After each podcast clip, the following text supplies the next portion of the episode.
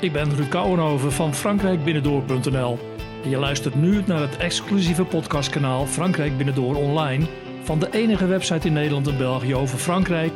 Met blogs, complete reisverhalen, roadtrips, bijzondere e-books, podcasts, video's en het unieke boek Frankrijk Binnendoor ontdek het andere Frankrijk. Deze podcast gaat over een bijzondere wijnproeverij en een ervaring die ik nooit meer zal vergeten. Niet al mijn ervaringen zijn rijp voor publicatie. Maar mijn vrienden en familie kennen ongetwijfeld de letterlijk en figuurlijk sappige verhalen over mijn ervaringen met wijnproeverijen in Frankrijk. En het sappige in deze podcast slaat vooral op de hoeveelheid wijn die ik tijdens een bijzondere proeverij ergens diep onder de grond in de Loire-streek mocht proeven. Het is zo'n heerlijk verhaal dat ik besloten heb om er dus ook maar een podcast over te maken. Maar uit privacyoverwegingen laat ik de naam van het wijndomein en de hoofdpersoon achterwege. En waarom? Ja, daar kom je wel achter als je verder naar deze podcast gaat luisteren. Het begon eigenlijk allemaal op een zaterdagmiddag in de gezellige stad Tours bij de Loire. Ik was samen met Marjan op een regenachtige zaterdagmiddag in Tours. En Tours is zelfs met regen best wel een leuke stad, want dan word je bijna gedwongen om de ruim opgezette markt in Les Halles de Tours te gaan bezoeken. En dan moet je niet denken dat dit een prachtige oude markthal is in het centrum van de stad, want dat wordt een teleurstelling. In 1866 werd er wel een voor die tijd moderne markthal gebouwd met stalen constructies, maar in 1977 werd deze vervangen door een compleet nieuw gebouw. En op de Place Gaston Palou staat sindsdien een moderne markthal vol met handelaren die het lekkerste van het lekkerste maken en verkopen. En als ik het tours ben, kan ik nooit de verleiding weerstaan om er even naartoe te gaan. Les de Tour zijn zeven dagen in de week geopend en je vindt er zes slagers en poliers, bakkers en patissiers, kaashandelaren, stallen met groenten en fruit, fantastische vishandelaren, een oesterbar, traiteurs, chocolatiers en kruideniers, vol met lekkers en een heerlijke wijnhandel.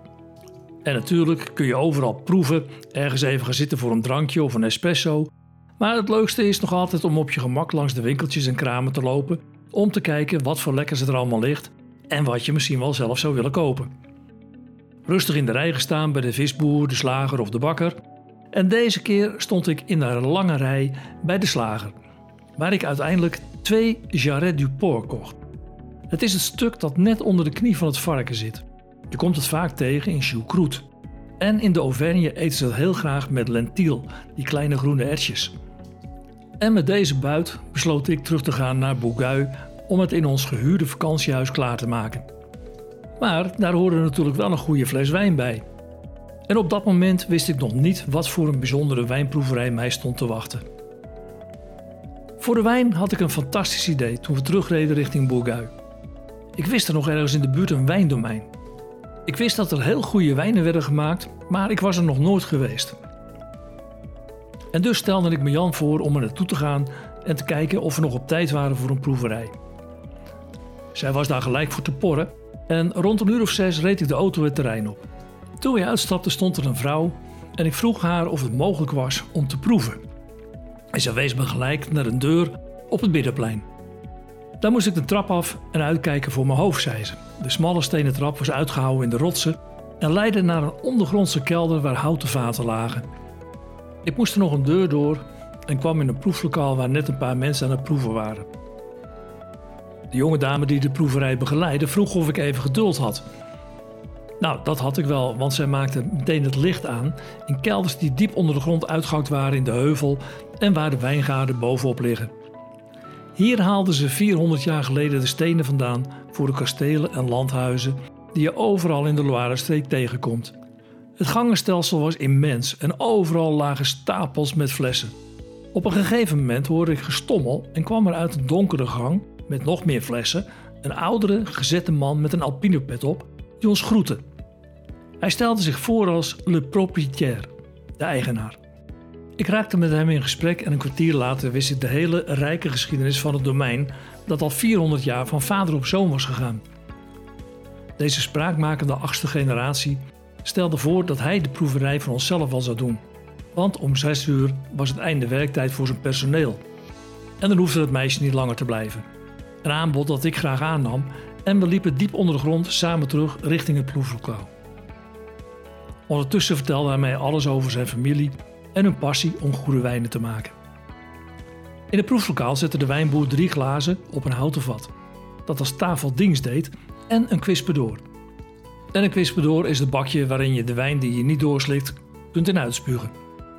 Ik was met de auto en als je dan zes wijntjes proeft zoals normaal bij een proeverij en je slikt dan alles door, nou dan heb je al snel meer dan 0,5 promille in je bloed en dat was natuurlijk niet de bedoeling. De eerste bodempjes werden ingeschonken. Lekker jong, fris en fruitig. Een allemans vriendje. Ik spuug de rest uit, maar de wijnboer gooit zijn hoofd achterover en kiepert de rest naar binnen. En bij glas 2, 3 hetzelfde. Maar dan gebeurt het. Er komen twee jongens de trap af. Ook zij mogen nog proeven. Ze worden aan een ander vat in het proeflokaal gezet. Maar niet met twee, maar ook met drie glazen. En dus ook weer één voor de wijnboer. En terwijl wij aan onze vierde wijn beginnen, loopt hij naar de jongens, vertelt zijn verhaal en kiepert net als bij de eerste drie glazen bij ons de rest naar binnen. De jongens kwamen uit Nancy en deden een wijnopleiding in Boon en vertelden dat zij het vooral als een leerproces zagen. Niet veel later komen een man en een vrouw de trap af. Zij mogen ook nog proeven en worden aan het derde vat in het proeflokaal gezet met opnieuw drie glazen. Zij vertelden dat zij op vakantie waren in de streek en uit Lyon kwamen. En toevallig langs het wijndomein kwamen en dachten: hé, hey, dan kunnen we wel eens gaan proeven. Het begon een gezellige boel te worden daar onder de grond. Waar het ritueel zich herhaalde bij ons, de twee jongens uit Nancy en het koppel uit Lyon. En waar Marjan en ik al toe waren aan het zesde glas om te proeven, waren de jongens bij glas 3 en de Lyonnais bij glas 1. Kun je het nog een beetje bijhouden? De wijnboer was bij deze ronde al toe aan zijn tiende flinke slok wijn en had al bij elkaar ruim drie normaal gevulde glazen wijn op. De wijnboer begon trouwens aardig in vorm te geraken en vroeg of wij de tijd hadden om al zijn wijnen te proeven. Als liefhebber van de rode Loire wijn zei ik daar natuurlijk geen nee tegen en de anderen hadden er ook helemaal geen probleem mee. Wat normaal gesproken een proeverij van vijf of zes verschillende wijnen zou zijn, veranderde zo in een onvergetelijke avond waarin ik uiteindelijk alle 16 wijnen van het domein kreeg te proeven. Dat gold ook voor de twee jongens en het koppel uit Lyon. Maar telkens schonk de wijnboer bij elke wijn ook voor zichzelf een flinke slok in. In totaliteit had de wijnboer na afloop dus al 48 proefbodempjes achterover geslagen. Je kunt je voorstellen dat het ruim anderhalf uur later heel gezellig was daar diep onder de grond. Het was voor mij wel moeilijk om de alsmaar beter wordende wijn uit te spugen. Maar als chauffeur van de auto had ik pech. Maar ik merkte wel aan Marian dat zij de wijn heel lekker vond en ook steeds vrolijker werd. Tot slot wees de wijnboer op een aantal flessen zonder etiket, waar met krijt het jaartal op geschreven stond. Hij vertelde dat een trots was. Bijvoorbeeld een Bourgogne uit 1934, een uit 1953, 1955 1983 en 1995. Ik wist dat een goede rode Loire wijn zeker 10 tot 20 jaar kon worden bewaard. Maar een Loire wijn uit het bijzondere jaar 1953, die wilde ik natuurlijk wel eens proeven. Nog nooit eerder had ik een wijn geproefd uit mijn geboortejaar. Ik legde in mijn beste Frans uit dat ik het heel bijzonder vond om deze nog eens te proeven. Het glas werd deze keer half vol geschonken. Ik was super blij dat ik zo verstandig was geweest om alle tot dan toe geproefde wijnen richting de kwispen door te sturen. Ik rook vol fruit, vooral frambozen. Nam een slok en walste het op een zo professioneel mogelijke manier door mijn mond en zoog zuurstof naar binnen. Een intense smaak van fruit, peper en drop maakte mij super gelukkig. En ik nam nog een slok en nog één en nog één. Natuurlijk kocht ik na afloop een paar dozen wijn en eigenlijk weer veel te veel. En ondanks de 49 glazen die onze vrolijke wijnboer geleegd had, kon hij trouwens nog als de beste verkopen en tellen. De man hield nog even om de dozen met wijn naar de auto te brengen en samen liepen we terug naar de receptie waar ik betaalde en afscheid nam. Als laatste liep ik samen met de wijnboer en Marjan naar buiten. Hij griste nog snel even een fles wijn uit de rek en ik dacht nog heel even: hé, hey, wat leuk, een cadeautje voor ons. Maar de wijnboer keek me glimlachend aan en zei: Pour le dîner avec ma famille. Je kunt je misschien voorstellen dat als er bij ons thuis een fles van dit domein op tafel komt, ik met heel veel plezier terugdenk aan de wijnboer en deze proeverij. Trouwens, als je mijn boek Frankrijk Binnendoor ontdek het andere Frankrijk hebt, dan kun je dit verhaal lezen, maar ook over een andere bijzondere proeverij, waarbij sommige gasten zo teut waren, waarbij ze de trap opgeholpen moesten worden om weer buiten te kunnen komen. Maar in hoofdstuk 5, wijn kopen en wijn proeven, staat nog veel meer over wijn. Je leest bijvoorbeeld ook de verrassende uitspraak van mijn kleinzoon Las toen hij voor het eerst op heel jonge leeftijd zijn neus in een glas wijn mocht steken.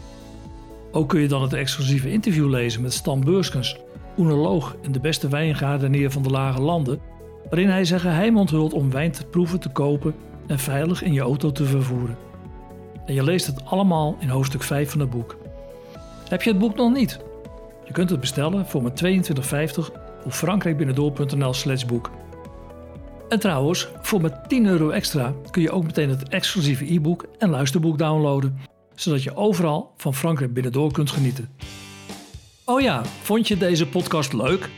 Abonneer je dan bij Apple Podcasts, Spotify, Stitcher of Google Podcasts op Frankrijk Binnendoor.